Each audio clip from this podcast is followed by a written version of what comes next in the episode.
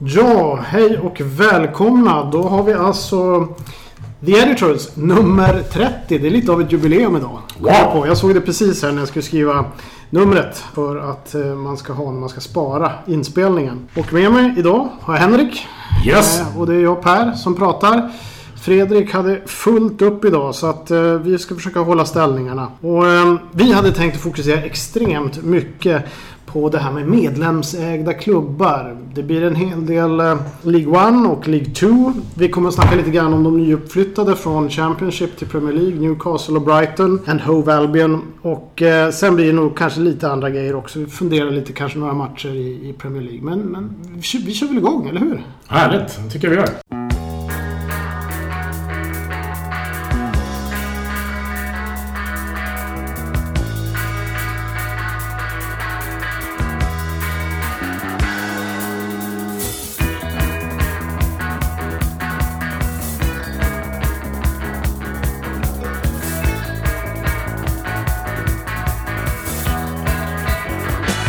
Medlemsägda klubbar, det är, någonting som, är det någonting som har kommit på slutet nu eh, de senaste åren eller är det någonting som har funnits länge? Du har ju tittat lite djupare i, det, i detta glas. Precis. Nej, men det är väl någonting som växte fram i, i början av eh, 2000-talet. Det, det första som växte fram var ju mer de här trusterna som kommer. Det är ju flera klubbar i ligasystemet. Allt från Premier League ner till de lägsta systemen som har något som kallas för en trust.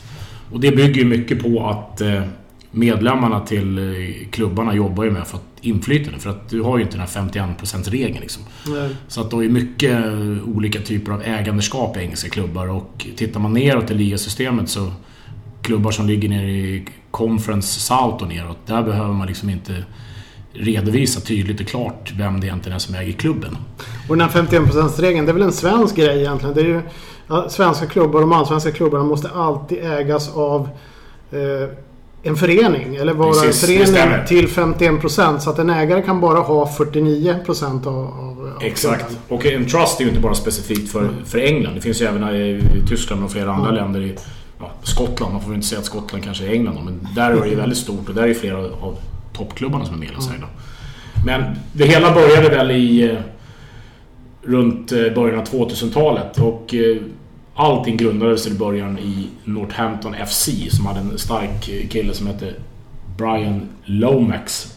Som eh, 2000 var med och skapade någonting som heter Supporters Direct. Och det var en, alltså en paraplyorganisation som den engelska regeringen mer eller mindre var med och plockade fram. För att de första trusterna hade växt fram tidigt 90-tal men folk hade otroligt svårt med hur gör vi liksom? Hur är man med och driver en motpart mot våra ägare? Hur får vi inflytande i klubben? Det har ju alltid funnits eh, alltså supporterföreningar som är med och stöttar klubben som plockar fram Player of the Year och är med och skjuter till. Men när det väl blir organiserat och man ska sätta upp en styrelse som mer eller mindre kanske jobbar mot klubben eller för klubben och driver supporternas intresse. Så märkte man att det behövdes liksom rådgivning för att klara av det. Så det var väl kanske en förlöpande grej runt 2000-talet när de här började ploppa upp mer och mer liksom. Ja, då var det ju det. Jag kommer ihåg själv att det är som du säger, det fanns ju inga regler för hur en engelsk klubb skulle ägas egentligen. Utan det var ofta starka män i, i för det var män, starka män i på orten typ som ägde massa företag som drev igång och eh, så till egentligen var deras uppgift att, att handla spelare och se till att det fanns en bra manager. Precis. Och eh, det har ju, har ju funnits... Det finns x antal medlemsägda klubbar idag. Det, snurrar ju runt, ungefär runt 40 klubbar finns det väl i England som är majoritetsägda. Sen finns det ju vissa klubbar i England som har ägandedel men de har inte majoritetsägardelen. Och där har vi ju klubbar som till exempel Swansea. Där ägs ju 25%, 25% av den föreningen ägs ju av supportrar. Och sen finns det även klubbar som Cambridge United som är uppe och de är väl, ligger väl i League 2 nu och håller på och härjar. Men den första klubben som, som växte fram, mycket ögon har ju varit just på, på klubben som jag älskar överallt, på den har gjorts som är Wimbledon. Men den första klubben var faktiskt en eh, förening som låg lite lägre ner i systemet som heter Enfield Town. Som eh, bröt sig ur Enfield FC 2001. Och mycket av anledningen till det här det var ju att de motsatte sig hur klubben sköttes. Så att Trusten fick eh, över medlemmarna på sin sida så att de startade en, en parallell organisation som just hette Enfield Town FC. Då började de från lägsta seriesystemet. Och den klubben de hade brutit sig loss för, de fortsatte att spela men 2001 bröt de sig ur. Den andra klubben lyckades hålla sig vid liv fram till 2007. Sen fanns det ju inga supportrar kvar och, och, och bygga klubben på. Så de försatte sig själva i, i konkurs då. Och valde sen att starta upp igen under Enfield 1883. Som var då det liksom Enfield bildades för första gången. Så att föreningarna finns kvar, de spelar mot varandra. Så att, eh, sen kom ju Wimbledon som klubb nummer två kan man väl ta och säga. Och eh, Wimbledon, det fanns ju lite andra anledningar till hur Wimbledon skapades kontra Enfield. Men eh, Wimbledon har ju varit rad problem med sitt ägandeskap. Eh, vi hade ju den här karismatiska ägaren Sam Mann som sålde av sina andelar till de här norrmännen Jelsten och Rocke. Eh, det figurerade ju flera olika rykten om sammanslagningar. Vi skulle flytta till Dublin och det, vi skulle slås upp med Luton. Det var QPR. Så att där startade ju också supporterna upp en trust väldigt tidigt. Då. De märkte att det var någonting som började bana väg. Så att den här trusten fick ju stöd av VISA som är Wimbledon Independent Support Association. För att de just började, behövde bli mer organiserade. Inte liksom bara vara ett gäng som stod på puben och supportade laget. Och, utan vi behövde en, en, motkraft som kunde vara med och driva liksom frågor hur föreningen sköttes. Liksom. Och eh, Wimbledon eh, grundade sin trust i början av 2002. Eh, och det är en liten rolig historia där för att eh, Wimbledon fick ju väldigt stor slagkraft. Det var ju ett väldigt, väldigt, väldigt stort missnöje kring klubben här. Så att eh, om man pratar om Wimbledon så anordnade de en tillställning på det Wimbledon Theater ute i Wimbledon i början av februari. Och för att pusha extra för det här så hade de bjudit in flera liksom, gamla spelare som hade figurerat kring eh, klubben. Vi hade gamla Terry Eames, eh, John Leslie, Carl Lieburn.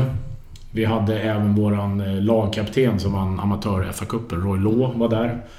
Vi hade Dick Guy, han som är hederspresident i klubben nu. Och de presenterade som the Heroes in Yellow and Blue på den här teatern liksom. Och de backade upp det som Wimbledons Trust skulle göra. Vi, vi, vi motsätter oss det som klubben håller på med. För då var de här flyttryktena så, så pass nära. Eh, sen eh, studsade ju det här eh, fram och tillbaks.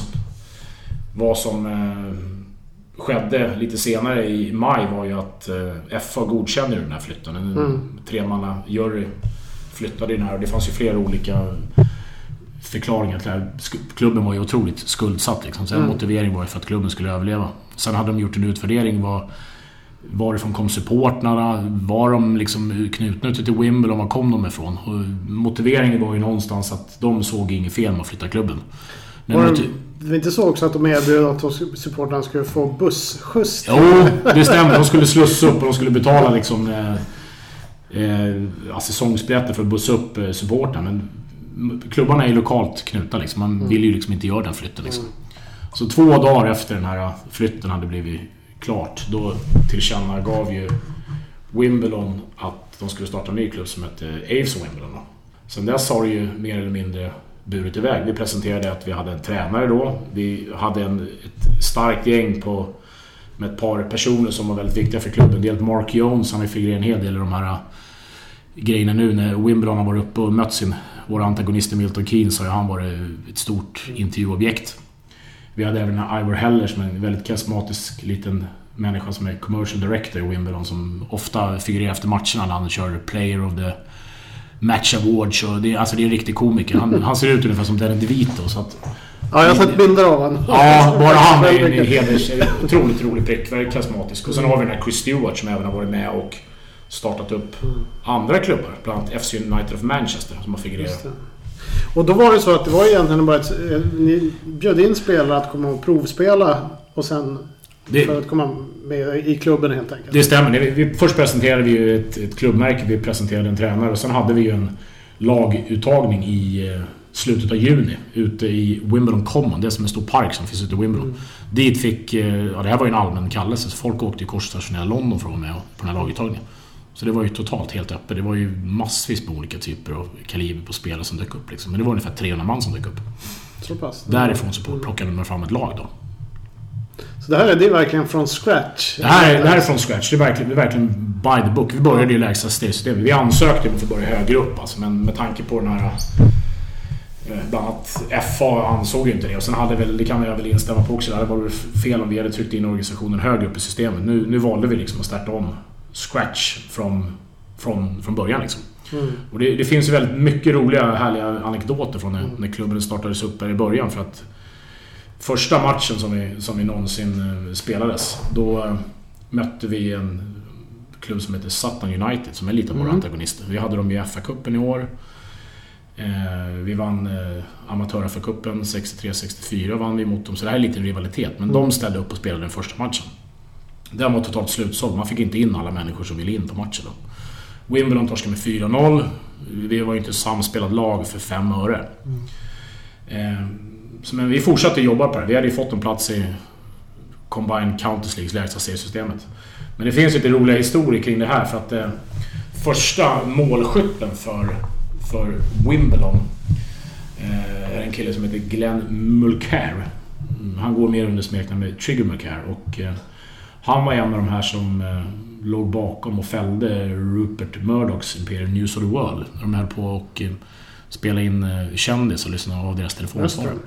Så Trigger Mulcair gjorde det första målet och han var den journalisten som lyckades knappa sig in och lyssna av liksom, ja, kungafamiljens telefonsvarare och kändisar liksom. Så de har spårat tillbaks bandet är rätt roligt liksom att första målskytten för Wimbledon var han som liksom avslöjade hela den här grejen och var en, var en av de anledningarna som gjorde att Robert Murdoch fick lägga ner sin News of the World med tanke på de här skandalerna. Det var ju en prakt, praktskandal. Ja, väldigt, väldigt, väldigt stort.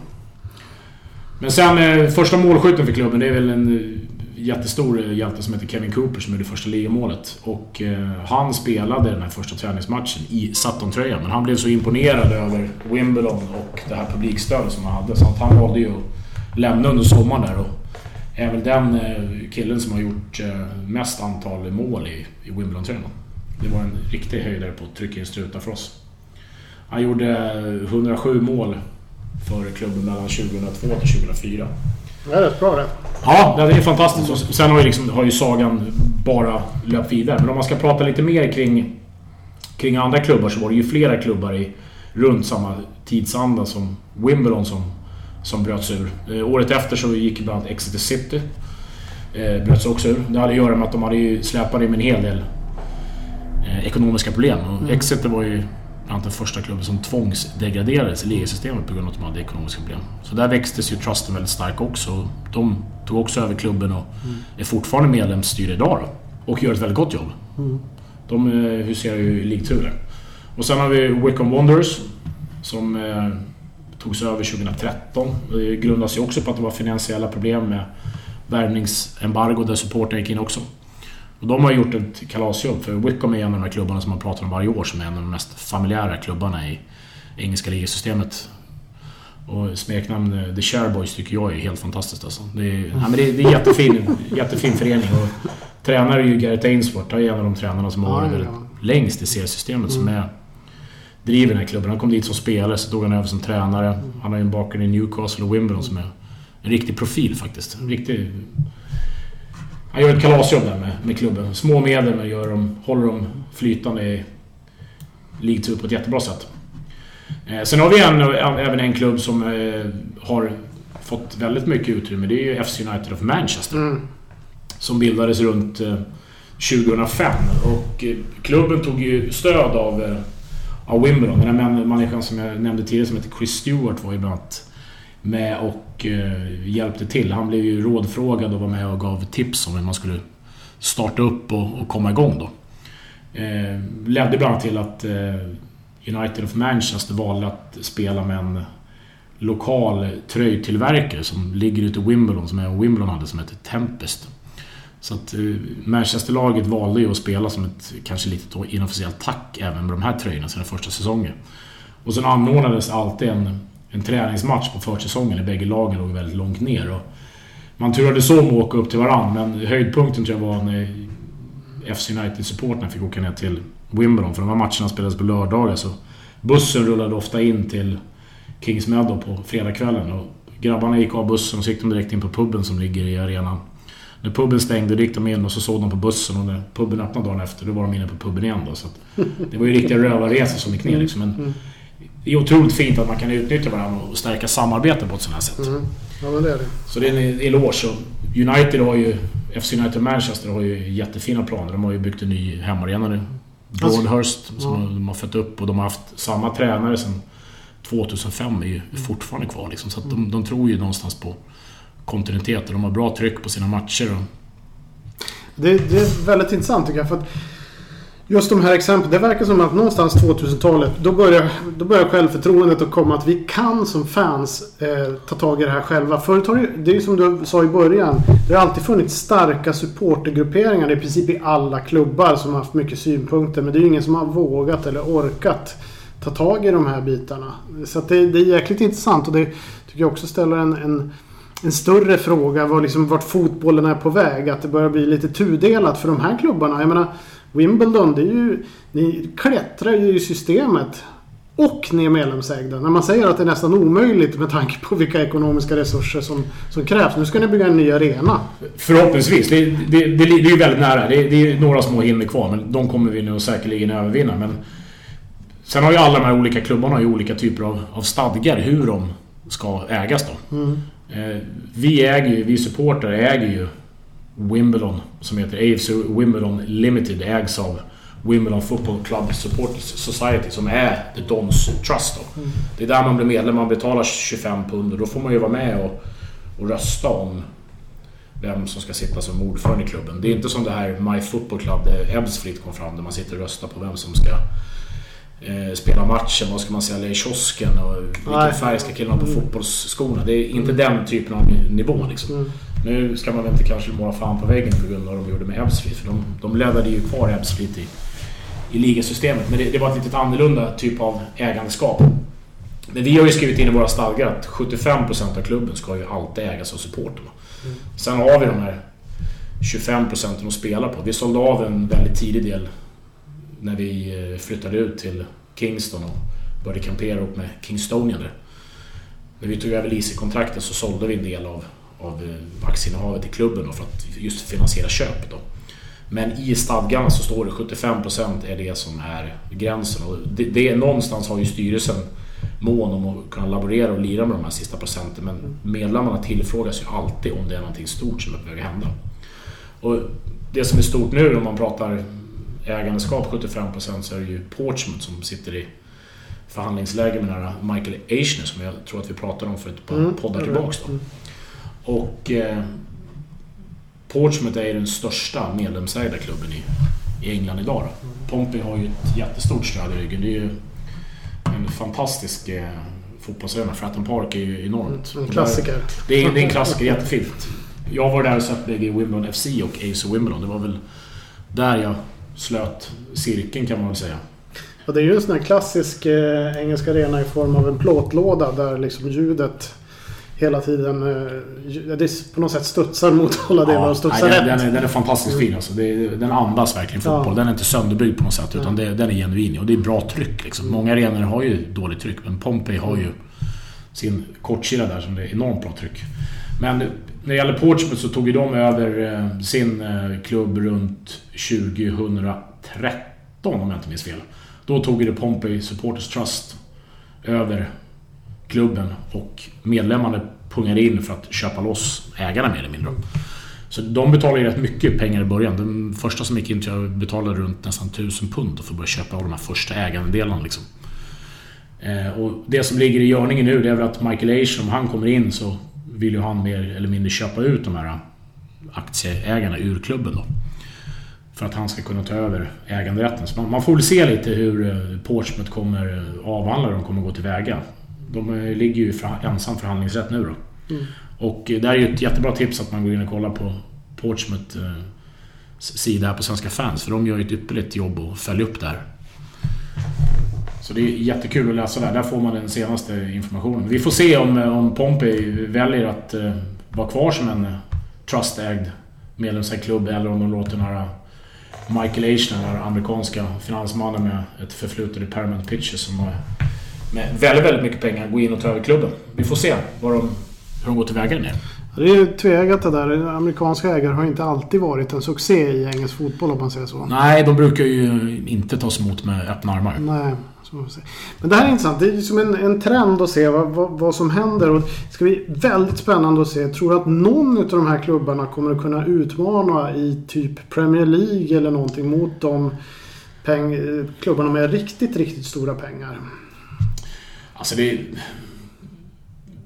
det, det finns väl vissa klubbar som... Alltså Swansea är uppe nu, de har sina 25% men... Eh, alltså distansieringen, de pengarna som finns i Premier League kontra det brytet som ligger när man kommer ner i Championship ner till League 2 som är det English Football League är ju rätt, rätt så stort liksom. Mm. Så att eh, jag tror ju säkert att det kommer se majoritetsägda klubbar, det kommer det kunna göra. Men jag tror inte att det är så högt som att det är, som Wimbledon, att det är 75%. Det är svårt att tro. Men eh, kanske att du kan få upp en klubb runt eh, strax över 50% är nog inte omöjligt liksom. Ja, för det ska bli intressant att se. För det, jag tycker det finns ju några klubbar som alla ser i Premier League som drar iväg rent ekonomiskt och som på något sätt är i en egen värld. Där, där det egentligen inte, tycker jag, handlar om klassisk sport längre utan det är ju en cirkus som måste vara igång. Alltså underhållning. Det är rätt likt amerikansk idrott på något sätt. Eh, vilket inte är fel. Det, liksom, det funkar. Nej. Men, men det finns rätt många fans som vill ha liksom, någonting annat som är, liksom, bygger på det som de är uppväxta med. Eller som kanske är lite närmare, lite genuinare. Man kanske känner dem som är aktiva i klubben. Man, man går ut och tar en öl med dem och så vidare. Det, det är den stora skiljelinjen. Det blir ju en form av ekonomisk doping kan man ju säga. Liksom. Ja, det blir det. Och de har ju inte råd. De här stora klubbarna har ju inte råd att inte spela i Champions League. Att inte. Så att ibland har jag lekt med tanken att anta att det skulle bli en sån här superliga. Fine, det är väl rätt bra. För då öppnar det ju upp för de andra. Eh, så då blir det lite grann ungefär som det är i USA. Att du har liksom eh, proffsfotbollen och collegefotbollen och båda är minst lika populära. Båda är jättepopulära. Precis. Men man vet aldrig. Det där är ju svårt. Men vi kan ju ta upp det också, att den, den största, vi pratade ju om den största medlemsägda klubben var ju, var ju Pompey, men den, mm. den, största trusten, det är ju Manchester United. De har ju över 200 000 medlemmar, men de har ju inget ja. ägande i klubben. Men Nej. med tanke på att klubben är så stor så har ju supportrarna de har ju en hel del att säga till om. Vilket mm. någonstans är ju är ju bra. Man vet ju United har ju haft det jättetufft där med bland annat Rupert Murdoch som ville ta över. Ja, just det. Och nu är ju Glazer inne och det var ju ur det här Glazer som FC United föddes då mer eller mindre. Mm. Ja, det är, United är ju en mastodont. Det är ju liksom, den är ju gigantisk. Men det är intressant. Vi får fortsätta följa det här. Och, eh, men innan vi går vidare nu. Vi ska väl också ägna några, några tankar kring Hugo Ejo. Som eh, gick bort I veckan var det va? Tragiskt. Han gick bort, stämmer Den 21 april gick han bort. Och eh, han signade ner på Tottenhams eh, träningsanläggning. Mm. Han drev ju ett pass där med juniorlaget. Och för mig är ju Echio en sån här kille som man har växt upp med. Man har suttit och kollat på Tipslördag. Mm. För han bildade ju mittlås med Steve Staunton i Villa där. Mm. Så det är därifrån man minns honom. Och sen hade de den här lilla ytterbacken Alan Wright liksom. Han som ja, tvärhand hög liksom. Mm. Så Villa på den tiden, var, i alla fall för mig, var ju väldigt spektakulär. Och han var, var ju, bra. Han var ju en riktigt härlig fotbollsspelare. Det här mittlåset, det kommer jag ju aldrig glömma. Liksom. Men han lirade väl också med Gareth Southgate en del? Det gjorde han också, precis så. Ja, det var, det var, de ville vara bra på den tiden. Och han var ju en av de som fanns med. Han gjorde ju landskamper för England också. Ja, han gjorde fyra landskamper. Han gjorde faktiskt ett mål och det fick han faktiskt göra på, på Villa Park då. det är lite roligt. Ja. Ja, men det är värt att ägna honom några tankar. För det, var, det är ändå en profil som vi som har sett på fotboll, framförallt 90-80-tal, eller 90-2000-tal, eh, känner igen oss i. Med The Championship. Vi har två lag som går upp nu. Newcastle och Brighton, de är klara. Yes!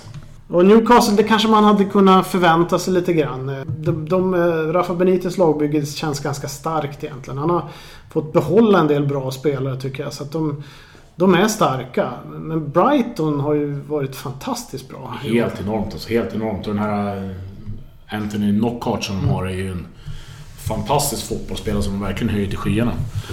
Och så det kommer att bli väldigt intressant att se hur det går för båda lagen i, eh, i Premier League. Och det roliga med Brighton det är, det är ju att det är Chris Hughton som är tränare. Och han fick ju sparken från Newcastle, tycker jag, på ett väldigt felaktigt sätt. För han hade ju inte gjort... Eh, alltså det, det, var ju inte... Jag tycker inte det var hans problem att Newcastle sladdade och de sladdade. Nej, för att det var väl ändå han som tog upp dem senaste gången de var nere ja. och studsade tillbaks. Yes. Och Newcastle är ju en, en, stad som verkligen andas fotboll. Liksom. Ja. Det, har man inte varit uppe i Newcastle så är det... Det är en enorm upplevelse. Jag har ju lyckligtvis bara varit där och sett Wimbledon med Gatesen. Men jag, jag tog mig ett besök in på St. James' Park och det är ju liksom så att man håret reser sig på, på armarna. Det är, alltså, Ja, det är Fantastisk tungt. fotbollsstad. Det är helt klart värt att rekommendera att åka upp dit. Ja, där. Jag var där, jag såg, jag tror det var 2015 så såg jag Newcastle vinna mot Norwich City med 6-2. Så de var rätt glada då. Där uppe i Newcastle. Sen så blev det lite sådär. Men i Brighton, en Hove Albion, det är ändå... De har inte varit... De har ju funnits ganska länge. Jag tror de bildades 1901 eller något sånt där. Jag kommer att prata lite mer om Brighton i Old School och deras historia. Men de hade ju en period då 79 till 83 när de var uppe i högsta divisionen. Och då var de ju riktigt bra.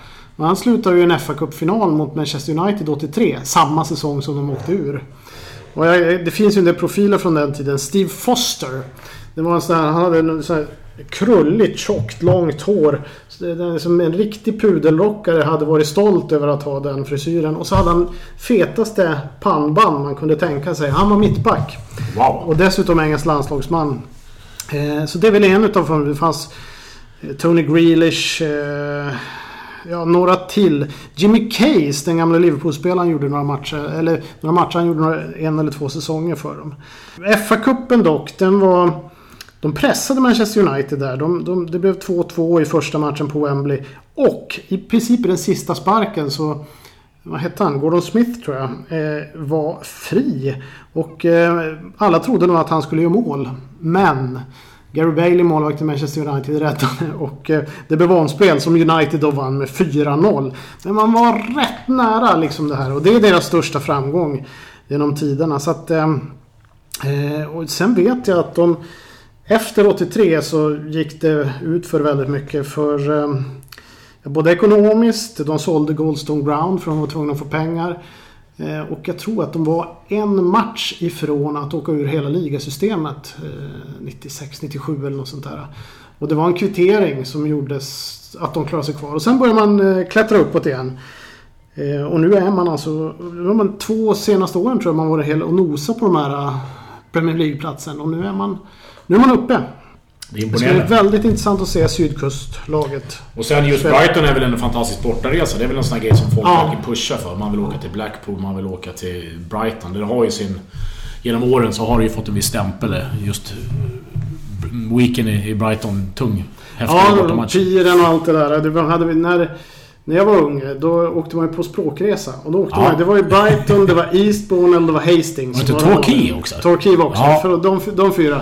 Eh, Jag åkte till Eastbourne av någon märklig anledning. Men det blev så. Men, men, men Brighton var ju den stora staden där på sydkusten. Då. Häftigt. Gamla minnen. Jag har faktiskt varit nere och kollat match. Vi mötte Burgess Hill. Mm. Och då var han eh, gamla legendariska målvakten Neville Southall. Va? Åh! Tränare i Burgess Hill. Evertons, min stora favorit. Ja, han var tränare där och... Eh, ja, det var sista matchen på säsongen, jag kommer inte ihåg hur det slutade men vi hade en i vårt gäng som när slutsignalen gick så rusade han rakt in på plan och så kastade han sig i, i nätet i målburen liksom. Mm. De här lägre systemen, det här var ju när Wimbledon låg i sjuan, det hände ju liksom ingenting. Det var Nej. ingen steward som kom utan han reste sig bara borstade av gräset och gick ut och så gick vi till puben. Så det Ja. hände inte så mycket mer. Men Man är- eh, måste ju ha varit rätt eh, stor på den tiden också. Han, han, han blev ju... Han var ju... Han drack ju ingen alkohol Southall. Det kan man ju inte tro. Han var ju en det. men han, han är ju väldigt stor om man säger så. Och det där har alltid varit en gåta. Dessutom var han träningsnarkoman. Men han, han måste ju ha en, en väldigt dålig kosthållning helt enkelt. Vi har träffat honom nu. mm, Han var uppe och sen matchen med Everton så dyker han upp ibland. Och det, det är en stor herre. Men! League 1 och League 2, hur är läget där då? Det börjar ju dra ihop sig nu för eh, fulla muggar. Eh, Om man tittar på League One så har ju suveränen eh, Sheffield United har ju lekt händer. De blev ju klara för ett par eh, veckor sedan. Så de, de vill väl spräcka den magiska 100 poängsgränsen nu. Men det finns ju lite platser att göra upp om fortfarande och det är ju de här kvalplatserna då. Vilka som kommer ta de här sista berömda. Och där är det ju ett par gäng som har visat lite sviktande form på sistone. En klubb som innehar den sista platsen det är ju Millwall. Mm. Som har varit uppe flera år och, tryckt på den här platsen. Och eh, jagas närmast av Southend United. Så att de här lagen ligger på 70 respektive 69 med strecket mittemellan. Eh, bägge lagen har två raka förluster. Jagas av Rochdale. Så att eh, frågan är väl lite nu inför sista omgången vem som kommer ta den här berömda sista kvalplatsen. Det finns en hel del att spela om. Vi kan väl lägga till också att klara är väl eh, nästan eh, Bolton. Bolton eh, ligger på andra plats. Mm. Har direktplatsen, jagas av, av Fleetwood. Och sen är ju Scantorp och Bradford ligger klara för att i alla fall kvala. Och Bradford är ju en riktigt häftig arena. Valley Parade Mm. är ju enorm alltså. Riktigt eh, fin. Den andas ju verkligen fotboll. Det var ju den som brann va? 1985 eller liknande. Precis, en en, riktig eh, tragedi. Jätteläskig brand där. Det sitter ju även en minnestal utanför arenan med alla de här offren som, som dog och den är ju fruktansvärt läskig. Det finns ju ett klipp om man går in och tittar på YouTube så ser man ju hur snabbt där händelseförloppet gick Mm. till. Och det berodde väl på att det var ju en träläktare så hade ju folk stått och kastat ner papper under läktaren och någon kastade ner en fimp. Alltså det är bara på ett par sekunder så flammar den här läktaren upp. Alltså det, är, nej, men det är riktigt läskigt. Men det är, det är en jättefin... eh, En fin klubb. De har ju högt publiksnitt. Det är nästan runt eh, strax under 20 000. Så det är bra. Jättefin klubb. Sen har vi ju lite klubbar i botten som faktiskt har, eh, har trillat ur. Och vi nämnde ju tidigare att Coventry har ju trillat ur. Kommer ju spela League 2 nästa år. Eh, vi har även eh, klubbar som Swindon Town. Tim Sherwood, Managing Director of Football, får eh, följa med laget ner i League 2. Får se hur, om han får vara kvar. Han har, ja, det har varit svårt för honom och han var ju liksom någon halvgud där när han tränade Spurs akademi. Sen har det liksom inte gått så bra. Nej, precis. Och sen blev ju Port Vale nu klara för degradering efter helgens omgång. Och där utspelar sig lite tråkiga scener för de mötte ju Bolton i sista omgången så det blev ju en sån här klassisk eh, illa planinvasion. Så matchen bröt sig för ett par minuter där det var lite hets där. Så att du, The Valiants åker ur också. Lite synd. Mm, det är synd. Det är synd. Coventry är också intressant att följa deras ekonomi här. För det verkar vara helt ur, ur spår. Och Där kan det ju vara kanske någonting som kan behöva börja om. Medlemsägt och så vidare. Ehm, det är ju det är en klubb det är synd om. Det var ju en klubb som var hade en enormt fin svit i, i högsta divisionen från 60-talet fram till de åkte ur. Som jag inte kommer ihåg när det var nu då. Men det var rätt många år de höll sig där uppe. Ja, det är tufft. Riktigt tufft för dem. Vi får se hur det går i, i League 2 om de kan studsa tillbaks. Eh, om man tittar på League 2 så kan man väl titta på en annan klubb som har lite... Om man tittar på ägarproblem som är på väg att studsa tillbaks. Det är ju Blackpool. De ligger i alla fall med där och innehar en, en kvalplats. Det är ju inte helt 100% klart. De ligger på sjätte plats där och de har ju haft jättemycket problem med den här Oystern. Som de har drivit kampanjer med. Familjen där som äger. Ja, det, där finns ju jättemycket att titta på. Den här ena mannen han har ju bland annat en våldtäktsdom mot sig. Så att där har ju inte skötts alls bra liksom. Men att klubben ändå ligger med i toppen och aspirerar på att kanske studsa tillbaks upp i One. Vi får se om de kan ta en, en eh, kvalplats där. Men där kan man väl tillägga att eh, de klubbarna som flyttas upp nu från eh, League 2 upp till League 1, de är mer eller mindre klara. Det är ju Doncaster Rovers flyttas upp. Plymouth Argyle och även Pompey. Det här blir ju Mm. klart kring, kring påsk då. Så det är kul att få upp eh, Plymouth och Pompey. För det är ju en rätt heta match. Det kallas ju för Dockyard Derbys. Jaha, de eh, gillar inte alls varandra de här två. Kuststäderna. Så det brukar vara rätt heta möten och oftast brukar man kunna se de här på stream via Sky Sport. Så brukar ofta försöka bryta ut de här matcherna för att det finns en stor rivalitet däremellan. Eh, Sen är det ju ett x antal klubbar som ligger på det berömda strecket och, och jagar. Så det, det finns ju en hel del att och, eh, spela om. Bland annat är ju Mansfield Town som även har en redaktion på Svenska fans är med där och nyper. De har ju en. Ja, de har en karismatisk tränare som heter Steve Evans som är väldigt rolig. Ja, en, en ytterligare tränare som fick sparken från Leeds faktiskt. Mhm. Så att han är inne och kör eh, Mansfield. Så vi får väl se om de mäktar med att ta den här sista platsen. Och sen har vi en klubb som även åker ur Mm. League 2 som är Leyton Orient. Ja, det är en klassiker. Det är en eh, väldigt klassisk klubb och de har ju också haft jättemycket problem med, med sina ägare. De har ju en italienare som heter Francesco Bicetti. Som... Eh, ja, det har inte skötts alls snyggt. Löner har inte betalats ut. Eh, det har varit vilda turer fram och tillbaks. Och där har vi en kille på Svenska fans som heter Robert Emander som har skrivit en hel del. Redaktionen har varit vilande rätt länge men nu mot slutet när det här dykt upp så har, har det skrivit flitigt med artiklar just om hur, hur klubben mår och har följt den här resan. Men nu tyvärr så åker de ur det, det Football League. Och där har vi faktiskt en annan klubb som är, som är på väg ur, tyvärr. Eh, väldigt nära. Det kommer ju avgöras nu i sista omgången och det är Hartlepool United. Mm. Eh, och anledningen till att den här klubben är rätt... Eh, Eh, brukar det snackas en hel del om. För det finns en kille på Sky Sports som körde Soccer Sunday som heter Jeff Stelling. Mm. Om man varit över i England så vet man. Han är väldigt karismatisk. Han har en otrolig inlevelse. Han brukar ju ibland köra med Chris Camara. De klippen ja, de här det. två ja. är ju många. Men nu senaste omgången så torskade Hartlepool. Eh, Jeff Stelling som är klubbpresident i Hartlepool United. För att han är född där. Och han brukar alltid fråga i sändningen hur går det för Hartlepool? Liksom. Han alltid totalt bevakning på det Han gick till och med ut och kritiserade tränaren som är den här gamla Dave Jones. Mm. Som har varit högre upp och coach i Wolverhampton. Han var Southampton har han coach också. Precis. Och han var ju, han var ju anklagad för en pedofilskandal i slutet av 90-talet tror jag. Ja, han var illa ute. Jag vet inte om det... Om, jag tror han blev frikänd. Han blev frikänd, men han fick, ju, han fick ju lämna någon klubb där och det var ju turer i, i flera, flera, flera år. Men eh, Hartlepool vore ju otroligt tråkigt om de åker ur. De har ju det fantastiska namnet The Monkey Hangers. Så att... Eh, det vore synd om eh, Victoria Park inte får vara en del av det, the Football League. De förtjänar att stanna uppe enligt mig. Det är en jättehärlig sån här hardcore-resa, snedresa när man ska åka och se fotboll väldigt, väldigt, väldigt långt från verkligheten. Om jag inte missminner mig så var det just i Hartlepool som eh, den legendariska managern Brian Clough började tillsammans med sin assistent Peter Taylor. Stämmer, första klubben. Ja, det var deras första klubb. Så att, eh, ja, det, är, det är en klubb med anor. Definitivt. Och det här namnet, The, The Monkey Hangers, mm. eh, går hela vägen tillbaks till eh, krigen mot Napoleon. Mm. För att eh, det var ett sjöslag utanför Hartlepool. Där engelsmännen lyckades sänka ett franskt skepp. Då. Och det enda de tog till fånga var ju en skeppsapa. Mm. Så engelsmännen tog in den här till Hartlepool och då trodde de invånarna att det här var en fransman. Så såg fransmännen ut som en apa. Så de valde ju att hänga den här apan på stranden.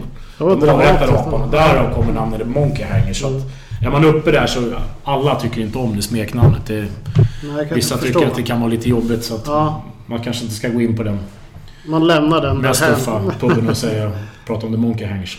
Men sen har det varit IFL Awards också. Precis, den skedde ju faktiskt eh, nu i början av april. Men där har vi ju faktiskt en hel del svenskinträffe. IFL Awards bygger ju på Championship ner till League 2.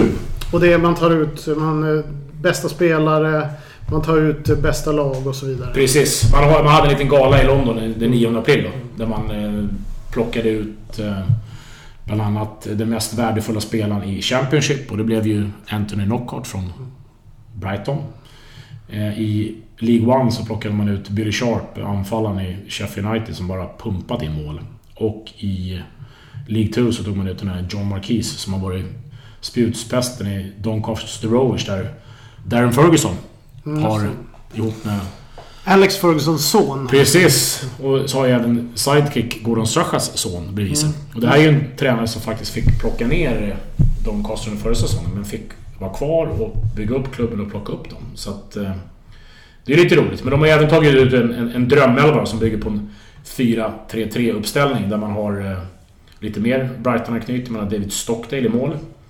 Man har en eh, försvarare i Enda Evans som spelar i Portsmouth till League 2. Sen kamperar han ihop med Pontus Jansson från Leeds United. Och det är ju jäkligt häftigt för att Pontus Jansson är en av de killarna som verkligen har fått en...